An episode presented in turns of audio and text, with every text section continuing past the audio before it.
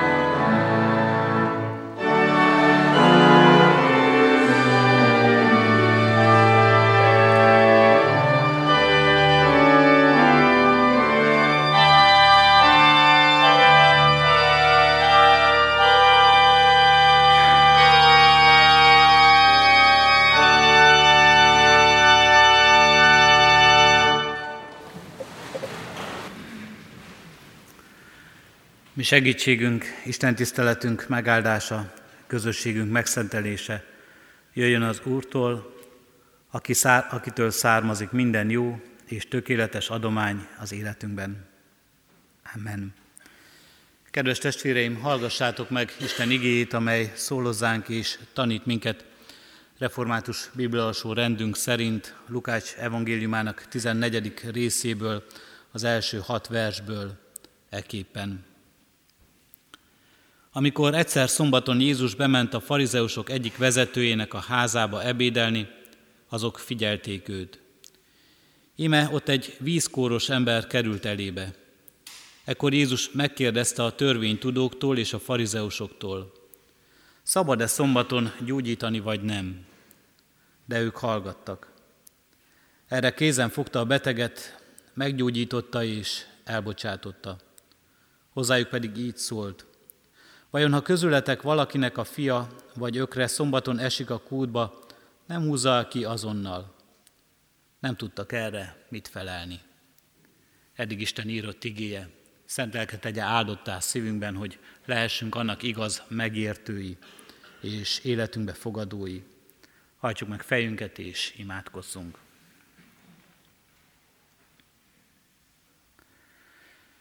Mindenek előtt köszönjük, Urunk, a Te nagy jóságodat, jóságodból ezt a mai napot, melyet nekünk ajándékoztál. Add, hogy akaratod szerint megszentelhessük ezt a napot. Megszentelhessük igédre figyeléssel, rád hallgatással, megszentelhessük, Urunk Istenünk, előtted való megállással, megszentelhessük azzal, hogy szentnek, dicsőségesnek vallunk téged és magasztalunk. Nem csak az énekeinkben, nem csak az imádságainkban, de egész életünkben. Adulunk, hogy megszentelhessük ezt a mai napot most ebben a közösségben. Egymásra figyeléssel, egymás számon tartásával, egymás hite által való épüléssel, egymásért mondott könyörgésekkel, közben járással. Kérünk és könyörgünk, Urunk Istenünk, hogy mindaz, amit ránk bízol ebben, azt mi megcselekedhessük, és kérünk és könyörgünk, Urunk Istenünk, hogy ígéretet szerint Te is cselekedj, légy itt közöttünk, amikor hívunk és várunk. Valóban Te is szenteld meg az életünket a Te lelked jelenlétével és áldásával. Szenteld meg az életünket, Urunk Istenünk, kijelentéseddel. Kérünk és könyörgünk. Kérünk és könyörgünk, Urunk Istenünk, Add, hogy megerősödhessünk e mai napon. Megerősödhessünk hitéb, hitünkben, az ige tanításában. Megerősödhessünk, Urunk Istenünk, a közösségünkben, sok elesettségünkben, gyengességünkben, gyászunkban és szomorúságunkban békességet és vigasztalást nálad keressünk és találjunk. Útkereséseinkben, választásainkban, döntéseink előtt, Urunk Istenünk, téged kérdezzünk, salázattal kövessünk. Nehézségeinkben, erőtlenségeinkben és gyengeségeinkben, Urunk Istenünk, tőled várjuk az erőt, test szerint és lélek szerint is, és ezt tőled kérjük, és adunk, hogy meg is kapjuk. Így hozzuk elé, Urunk Istenünk, életünket egyen-egyenként, így hozzuk előd mostani gyülekezetünket, egész egyházadat, világunkat. Jöjj, légy itt közöttünk, Atya, Fiú, Szentlélek, Isten. Amen. Isten igének hallgatására készülve a 118. Zsoltárunknak első verszakát énekeljük. A 118. Zsoltárunk első verszakát, mely így kezdődik. Adjatok hálákat az Úrnak, mert nagy az ő kegyessége.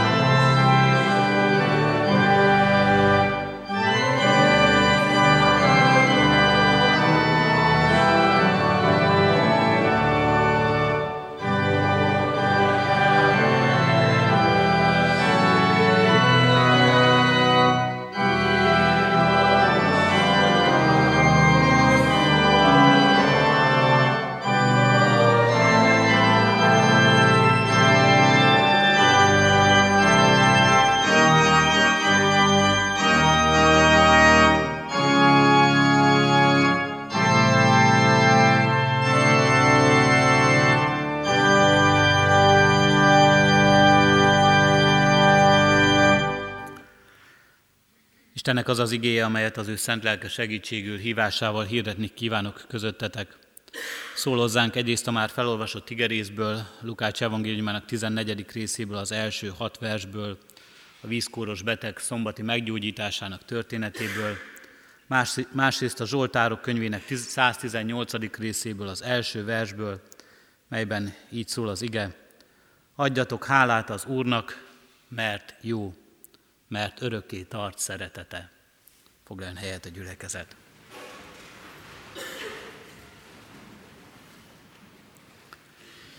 Kedves testvéreim, most egy rövid csendességben azt kérni mindenkitől, hogy próbáljunk meg felidézni öt jó dolgot az életünkből, az elmúlt hét eseményeiből, amiért hálásak vagyunk Istennek. Öt olyan konkrét dolgot, amelyet úgy tartunk számon az emlékezetünkben, és amelyért talán meg is történt a hálaadás, hogy azt Isten cselekedte az életünkben. Jó volt, örültünk neki, talán észre is vették az örömünket mások, a szeretteink, akik hozzánk közel állnak. Látszott rajtunk az örömünk, a boldogságunk, hogy valami jó dolog történt velünk. Olyan dolgokat keressünk, amikért hálásak vagyunk, amelyben látjuk az Istent, amelyben látjuk az Isten cselekedeteit ezekben a jó dolgokban. Talán nem is olyan könnyű ez a feladat. Talán nem is olyan könnyű konkrét dolgokban megtalálni és megfogalmazni a jót. Talán nem is olyan könnyű a jót is megtalálni az életünkben, nem csak a rosszat, a nehézséget, a problémát és a kihívást, amelyet magunkban hordozunk. Mert ha történik a jó, sokszor el is lopja az életünkből a rossz. Ellopja valami más érzés, ellopja valami probléma, amelyet meg kell oldanunk, amelyel szembe kell néznünk. Ellopja az életünkből a jónak az örömét valami nehézség, amely folyamatosan ott terheli a szívünket, amely körül járnak a gondolataink és az érzéseink. És talán nem is olyan könnyű megtalálni a jót, és még inkább talán a jóban az Istent felfedezni. Hogy ott Isten van jelen, Isten cselekedett. Mert ha találunk is jót, sokszor hálásak vagyunk azért önmagunknak, magunknak tulajdonítjuk, ügyesek, okosak voltunk, beérett a szorgalmunk gyümölcse, kitartóak voltunk, jól cselekedtünk, és megvan a jutalma. Vagy megköszönjük azt másoknak, mert másoktól kaptuk azt, más emberek hozták el az életünkben. Mégis fontos, hogy újra és újra megállva számba vegyük ezeket.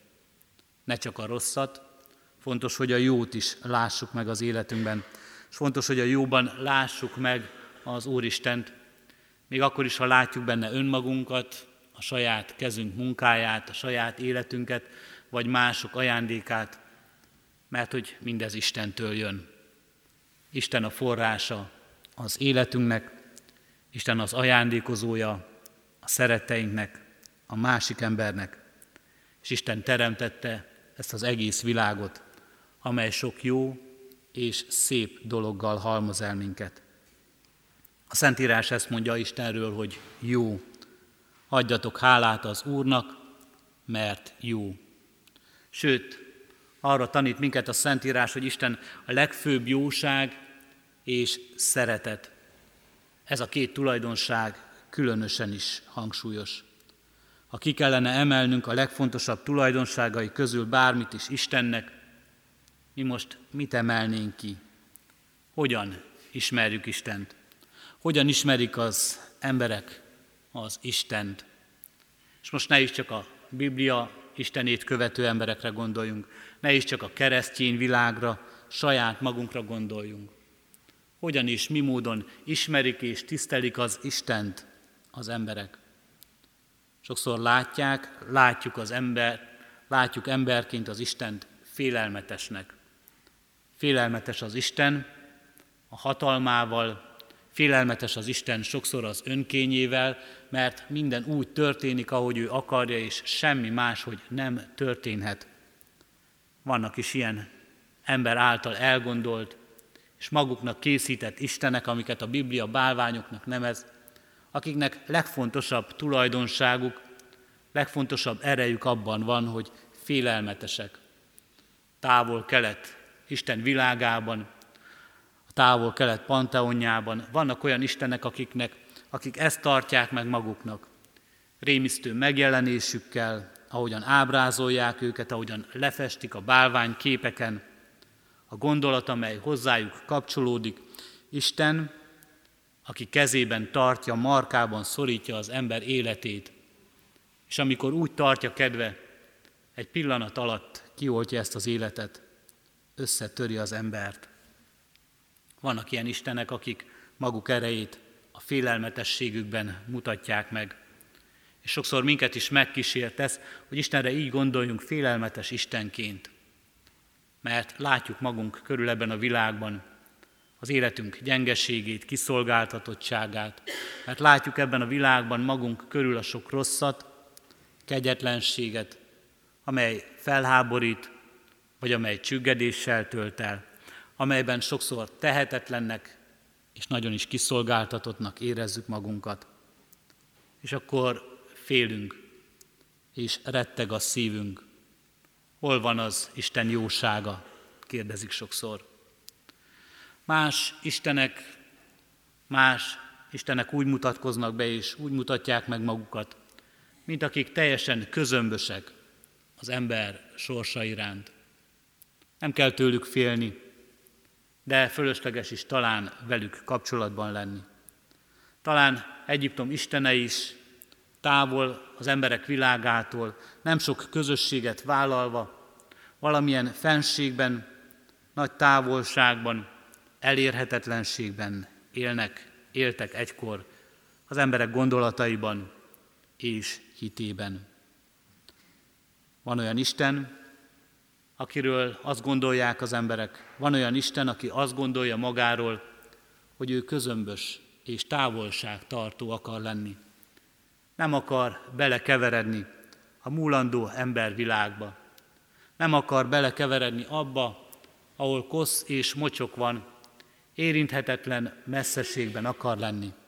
Nem akar megfertőződni bűnös emberi gondolatokkal, nem akar megfertőződni beteg emberi indulatokkal, távolságban, közömbösségben, messze mindattól, amit ez a földi világ jelent, és benne az emberek élete, mert ez nem illik, mert ez nem tartozhat hozzá a dicsőségéhez, szentségéhez.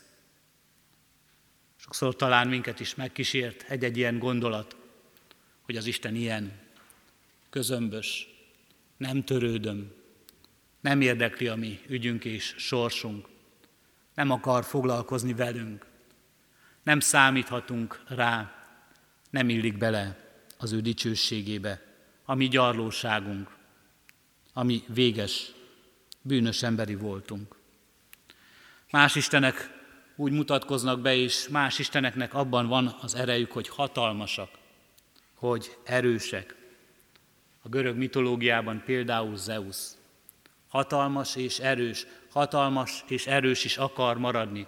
Hatalmát és erejét mindentől és mindenkitől félti. Emberektől és Isten társaitól is. Hatalmas és erős Isten képét adja nekünk. Ebben van az ő hódolatának és dicsőségének oka, mert hatalmas és erős. És sokszor bennünk is ott van a vágy, hogy így, így lássuk Istent hatalmasnak és erősnek, aki mindig és mindenben cselekszik és cselekedni tud. Különösen abban, amiben mi szeretnénk. Hívjuk és várjuk, és meg is mondjuk, hogy mit cselekedjen, és mikor és hogyan cselekedjen. És legyen rá hatalma és ereje, hogyha kell, megszüntesse az éhezők nyomorúságát, hogyha úgy gondoljuk, gyógyítsa meg a betegséget, hogyha úgy gondoljuk, törölje le a könnyeket, hogyha úgy gondoljuk, adjon gazdagságot, hogyha úgy gondoljuk, adjon erőt adjon egészséget, legyen ereje és hatalma mindenre. Milyen az Isten, a Szentírás Istene? Talán azt mondhatnánk, mindaz, amiről eddig beszéltünk, mind hozzá is tartozhat az ő életéhez. Leggyakrabban talán három tulajdonságot említünk róla. Az Isten végtelen, az Isten örökké való, és az Istenünk mindenható. És ebben minden benne van. Végtelen, mindenütt jelen való ő. Örökké való, ura az időnek, kezdetektől és végig, és neki nincs kezdet és vég. Ő maga a kezdet és a vég. És mindenható is, nincs lehetetlen számára, nincs korlát, szuverén úr, amit gondol, azt úgy és ahogy gondolja, megteszi és megteheti. Mégis a Szentírást olvasva, és nekünk keresztény embereknek különösen is az a két tulajdonság jelenik meg előttünk, az a két tulajdonság válik hangsúlyossá. Isten mindabban, amit róla elmondhatunk, ezt a kettőt szeretné, ha különösen is megjegyeznénk és erre figyelnénk, hogy ő jóság és szeretet. Jóságos és szeretet teljes Úr ő. Adjatok hálát az Úrnak, mert jó, mert örökké tart szeretete. És ez a jóság és ez a szeretet vezérlik az Istent az ő végtelenségében, hogy amikor mindenhol jelen van, ebben lássuk meg őt. Jóság és szeretet vezérlik örökké valóságában, és teremt világot, és van jelen ebben a világban, az életünkben, minden percében és másodpercében. Jóság és szeretet vezérlik minden ható voltában, akkor is, amikor nem cselekszik, és akkor is, amikor csodát tesz. Rendkívüli dolgokban mutatja meg magát. Mert Isten jóság és szeretet. Jó a teremtésben, és ki is mondja az ige, Isten mindent jónak teremt. Jó a bűnbeesés után, amikor az ember elszakad tőle, mert nem hagyja elesni az embert, mert vele marad, mert féltő és gondoskodó, gondviselő szeretetével vezérli őt. Jó az Isten az ő kereső akaratában, ahogy szólítja az embert újra és újra. Szeretete jelenik meg az Istennek üdv tervében, abban, ahogyan nem akarja, hogy elessen, hogy elpusztuljon az ember, hanem Krisztusban, szeretetében, kereső irgalmában keresi őt. Kedves testvéreim, a mai új szövetségi igénk a vízkóros ember meggyógyításáról szól, amely szombaton történt.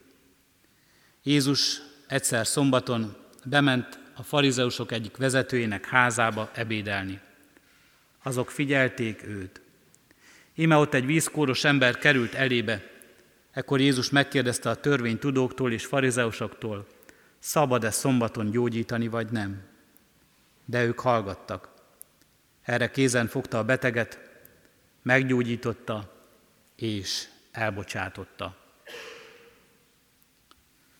Számomra meglepő volt, amikor ráeszméltem, hogy ebben a történetben nem az a kérdés Jézustól, és nem is az a kérdés a hallgatók számára, akik ott vannak és körülveszik Jézust és ezt a beteg embert, hogy vajon tud-e Jézus gyógyítani? Vajon meg tudja-e Jézus gyógyítani ezt az embert? Ez egészen egyértelmű, szinte elfogadott tény ebben a történetben, hogy Jézus meg tudja gyógyítani ezt az embert. Nem azt kérdezi Jézus sem a betegtől, sem a farizeusoktól, amit egyébként máskor megkérdez, hiszitek-e, hogy meggyógyulhat ez az ember? Hiszed-e, hogy meggyógyulhatsz? Van hatalma rá. Van hatalma rá, végtelenségében, örökké valóságában, minden hatóságában megvan a hatalma arra, hogy jót tegyen, hogy szabadítást hozzon. A kérdés az, szabad-e szombaton ezt a jót megcselekedni? Szabad-e szombaton gyógyítani? látszólag nevetséges, látszólag kicsinyeskedő ez a kérdés. A kérdés most nekünk nem a szombatról vagy a vasárnapról szól, hanem a kérdés ebben az igében most hozzánk az, van-e a jónak határa? Van-e az Isten jóságának határa ebben a világban? Mindazoknak fényében, amit elmondtunk. Jézus történetében ezek a kérdések így jelennek meg. Szabad-e szombaton gyógyítani? Határa-e a jónak a szombat? Szabad-e hétszer megbocsátani? Van-e a megbocsátásnak számszaki határa? Szabad-e az ellenséget áldani, megáldani? Van-e az érzéseinknek határa? Szabad-e egy pogány emberhez szólni? Számon kérik Jézust ezért. Szabad-e gyermeket vagy asszonyt tanítani? Szabad-e egy leprást megérinteni? Jézus Krisztus ebben a történetben, a mai történetünkben, és mindazokban a történetekben, amelyre utaltam, egészen egyértelműen azt mondja, hogy szabad. Hogy a jónak nincs határa, az ő szeretetének nincs határa, amely korlátot szabna ennek. Erről beszélnek ezek a történetek, a leprások gyógyítása, az asszonyok gyermekek tanítása, a pogányokhoz való szólás és az ő keresésük, az ellenségért mondott imádság, és a gyűlölőknek adott áldás, az újra és újra megbocsátani tudás, vagy éppen ez a szombaton gyógyítás története. És erről beszél mindent összefoglalva, mindennek szummájaként és mindezt kijelentve, összesűrítve Jézus Krisztus kereszt halála.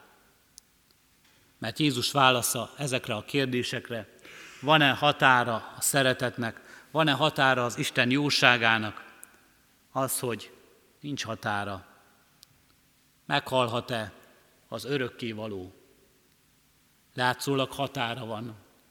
Jézus mégis azt mondja, azt vállalja, igen, meghalhat, nincs határa.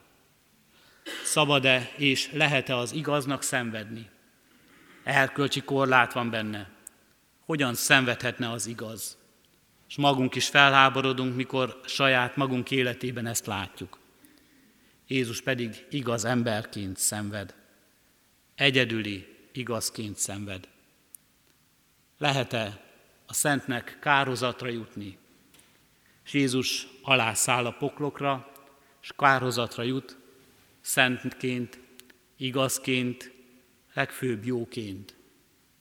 Nincs határa a jóságnak, nincs határa a szeretetnek, erről tanít Jézus Krisztus, Jézus Krisztus ennek a tanítása. És az ige most még arról kérdez minket utoljára, a ti életetekben van-e a jónak határa? A ti életetekben van-e a szeretetnek korláta? Azt kell, hogy mondjuk, igen, van. Nem is vagyunk tökéletesek, még ha Isten erre is hív minket, és ha ebben is ad példát nekünk. Van határa a szeretetünknek, van határa a jóságunknak, a saját emberi határaink ott vannak benne, a számításaink, van határa a jóságunknak és szeretetünknek, a gyarlóságunkban is, már csak azért is, mert mi nem vagyunk végtelenek, örökkévalók és mindenhatók. De Isten mégis látva a korlátokat, arra hív, hogy feszegessük azt, hogy döntsük le azt, hogy ne ezzel akarjuk menteni magunkat, hogy ne ebben gondolkozzunk. Igen, van határa jóságunknak és szeretetünknek, de milyen jó, hogy Isten ezzel is tud mit kezdeni. Ezzel is akar Isten mit kezdeni, hogy növekedni tudjunk ebben, hogy gazdagodjunk ebben, hogy ő cselekedjen bennünk és általunk jót és szeretetet. Engedjük ezt, hogy a saját határainkat átléphessük. Amen. Válaszol az ígére testvéreim a megkezdett 118. dicséretünknek 13. versét, utolsó versét énekeljük. Áldott, aki az Úr nevében eljöve nagy dicsőséggel. Így kezdődik énekünk.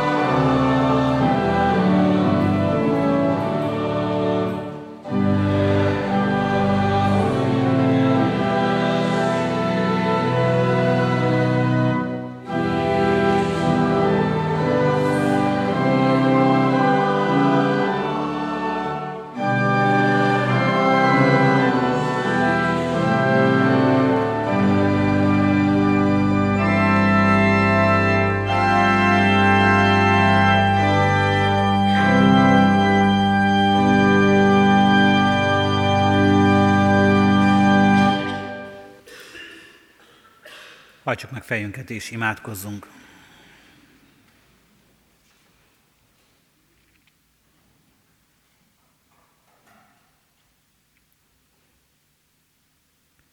Urunk Istenünk, minden alkalmát és minden pillanatát köszönjük az életünknek, amikor veled találkozhatunk, amikor megtapasztalhatjuk jóságodat és szeretetedet.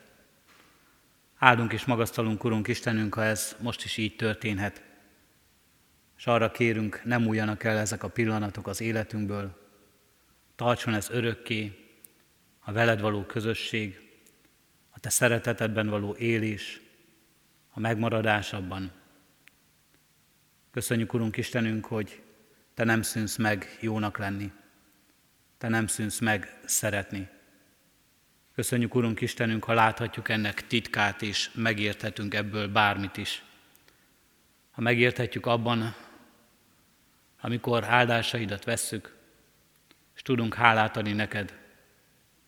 Hálát adni az időért, amelyet élhetünk, hálát adni az esőért, amely életet adhat, hálát adni, Urunk Istenünk, egymásért, a szeretteinkért, Hálát adni, Úrunk Istenünk, a próbákban és a nehézségekben, a tanításért. Hálát adni, Úrunk Istenünk, a szenvedésekben és a bajokban, a mellettünk álló kegyelmedért. Hálát adni, Úrunk Istenünk, a bennünk élő reménységben és hitben, az örökké valóságért és üdvösségért. Köszönjük, Urunk Istenünk, amikor beletekinthetünk ebbe a világba, és ott megláthatunk téged, és megláthatunk téged úgy, mint legfőbb jót, mint minket szerető mennyei atyát. Addurunk, hogy ebben találjuk meg életünk teljességét. Ebben találjuk meg, Urunk Istenünk, sok nehézségben, kihívásban, gyötrelemben, békességünkben. Ebben találjuk meg, Urunk Istenünk, sok minden fölött érzett, vagy sok mindenkit siratva, gyászunkban, szomorúságunkban vigasztalásunkat. Így kérünk és könyörgünk, Urunk Istenünk, hogy mutasd így magad nékünk. Mutasd így meg minden hatóságodat, végtelenségedet és örökké valóságodat, ami véges kiszolgáltatott és ideig való emberi életünkben.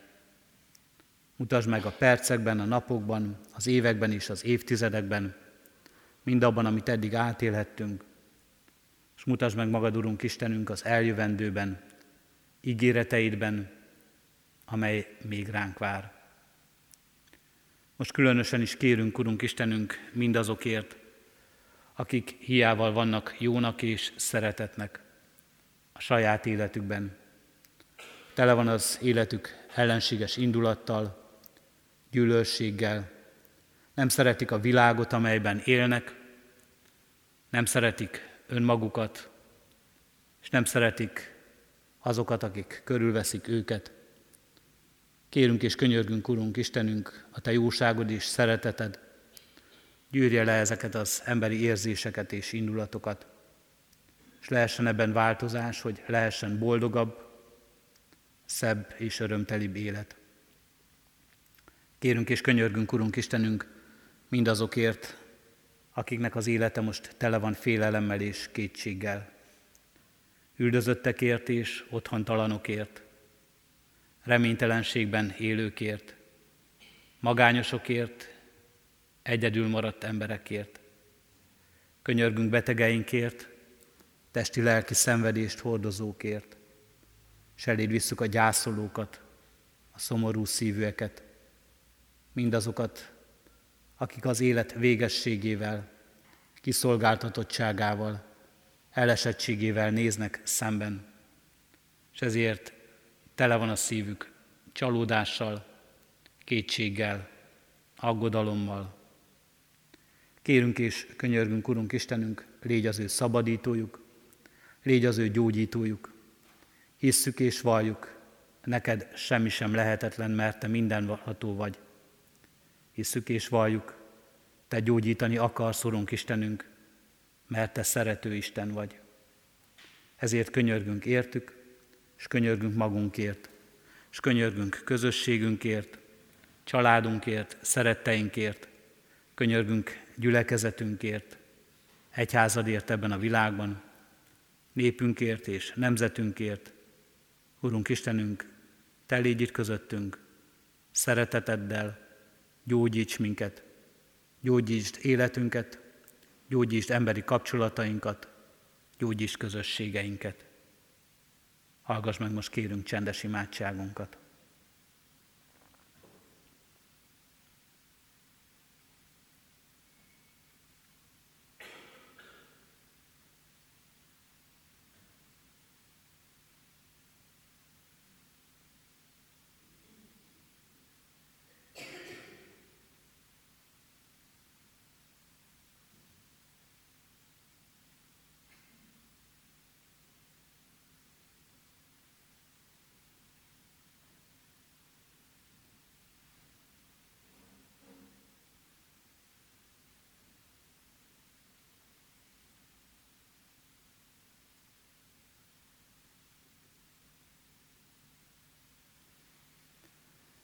Amen. Fennállva együtt is imádkozzunk Jézustól tanult imádságunkkal. Mi atyánk, aki a mennyekben vagy, szenteltessék meg a te neved. Jöjjön el a te országod, legyen meg a te akaratod, amint a mennyben, úgy a földön is. Minden napi kenyerünket add meg nékünk ma, és bocsásd meg védkeinket, miképpen mi is megbocsátunk az ellenünk védkezőknek és ne védj minket kísértésbe, de szabadíts meg a gonosztól, mert Tiéd az ország, a hatalom és a dicsőség mind örökké. Amen. Az Atyának szeretete, a mi Úrunk Jézus Krisztusnak kegyelme, és szent lelkének közössége legyen és maradjon minnyájatokkal, most és örökkön örökké. Amen. Milyen hirdetést hallgasson meg a gyülekezet. Hirdetem, hogy a mai napon 11 órakor és 6 órakor tartunk még Isten tiszteletet itt a templomban. A heti alkalmak közül szeretném hirdetni, hogy hétfőn, a nyári szünet után újra indul a Kecskeméti Végmiáj énekkar próbája, mely ima közösséggel kezdődik, fél ötkor, az ima közösség részére nem csak a kórus tagokat hívják szeretettel, hanem a gyülekezet minden tagját. Szerdán 5 órakor presbiteri gyűlést tartunk az internátus dísztermében. Mához egy hétre vasárnap a szokott rendszerint tartjuk Isten tiszteleteinket 9 órakor, 11 órakor és 6 órakor itt a templomban, de rendkívüli vasárnapi nap ez, különösen is gyermekeink, diákjaink számára, hiszen ez lesz az évnyitó istentiszteletek alkalma is. Délután három órakor református általános iskolánk tanévnyitó istentisztelete lesz. Öt órakor pedig református gimnáziumunk tanévnyitó istentisztelete kezdődik. Mindkét alkalommat szeretettel hirdetjük a gyülekezet tagjainak. A presbiter testvéreket kérjük, hogyha tehetik, akkor a három órai református általános iskolánk tanévnyitó istentiszteletére jöjjenek. Imádkoztunk az elmúlt héten eltemetett Nagy Mihályné Kéri Julianna 75 éves, Farkas Józsefné Berényi Zsuzsanna 65 éves, Somodi Imre 65 éves, Bán Lajos 94 éves, Foki Tiborni Túri Etelka 81 éves korában elhunyt szerettüket gyászoló testvéreinkért. Halottunk van Csillag Istvánné Blaskovics Mária 82 évesen hunyt el, temetése augusztus 28-án kedden 3.4.10-kor lesz. Isten vigasztalását kérjük a gyászolók életére. Sírunk a sírókkal, de örvendezzünk az örvendezőkkel is. Így hirdetem örömmel a házaslandó jegyes párokat. Első ízben hirdetjük Tóth Gábor, szolnoki születésű református ifjú, jegyezte dr. Ulakcsai Zsófia Éva, kecskeméti születésű református hajadont. Másodízben hirdetjük Gáspár Dániel jegyezte Burovinci Laurát. Sarmadízben hirdetjük Balog Ákos jegyezte Molnár Andrát. Isten áldja meg a tervezett házasságokat. Adományok érkeztek az elmúlt héten, egyházfenntartó járulékon keresztül 26 ezer forint, Isten dicsőségére 20 ezer forint, a szőlőskert kiadványunk támogatására 2600 forint, és hirdetem is a testvéreknek az adakozás lehetőségét, mint életünknek és Isten tiszteletünknek hálaadó részét. Hirdetjük, hogy a ránk következő héten, augusztus 27 és 31-e között hétfőtől péntekig a Széchenyi városban játszótéri missziós programot szervezünk gyermekek számára. Minden délután 5 órától 7 óráig szeretettel várjunk az érdeklődőket a Széchenyi sétányi játszótérre, leginkább a gyermekeket, természetesen szülők, nagyszülők kíséretében. Ha ott élünk, a környezetünkben vannak ilyen fiatalok, vagy valaki él ott a szeretteink közül, ismerőseink közül, ajánljuk ezt a lehetőséget, tehát hétfőtől péntekig a Széchenyi sétány játszóterén minden délután 5 és 7 óra között egy ilyen missziós játszó programot szervezünk a gyermekek számára. Hívogassunk erre az alkalomra, ha mi magunk nem is akarunk, vagy nem is tudunk részt venni ezen. Hirdetjük a testvéreknek, hogy szeptember 9-től, mához két hétre visszatérünk az eredeti rend szerint a vasárnapi istentiszteletek rendjében, és az esti hat órai istentiszteletek, a vasárnap délutáni istentiszteleteink itt a templomban újra ifjúsági istentiszteletek lesznek, az ifjúságnak és az ifjúság szolgálatával. De természetesen a gyülekezet minden tagját hívjuk és várjuk erre az alkalomra. A Széchenyi Városi Misszió céljaira továbbra is hirdetjük a céladakozást, megtehetjük ezt a gazdasági hivatalban, a Széchenyi Városi Misszió megjelöléssel. További híreket a hirdetőlapokon találunk, a hirdetőlapokat pedig a kiáratnál, Vigyünk magunkkal egy-egy példányt is, vigyünk azoknak is, akik nem tudnak ma eljönni az Isten tiszteletre. Az Úr legyen a mi őriző pásztorunk. Isten tiszteletünk végén a 264. dicséretünket énekeljük, mely így kezdődik, áldjad én lelkem a dicsőség erős királyát.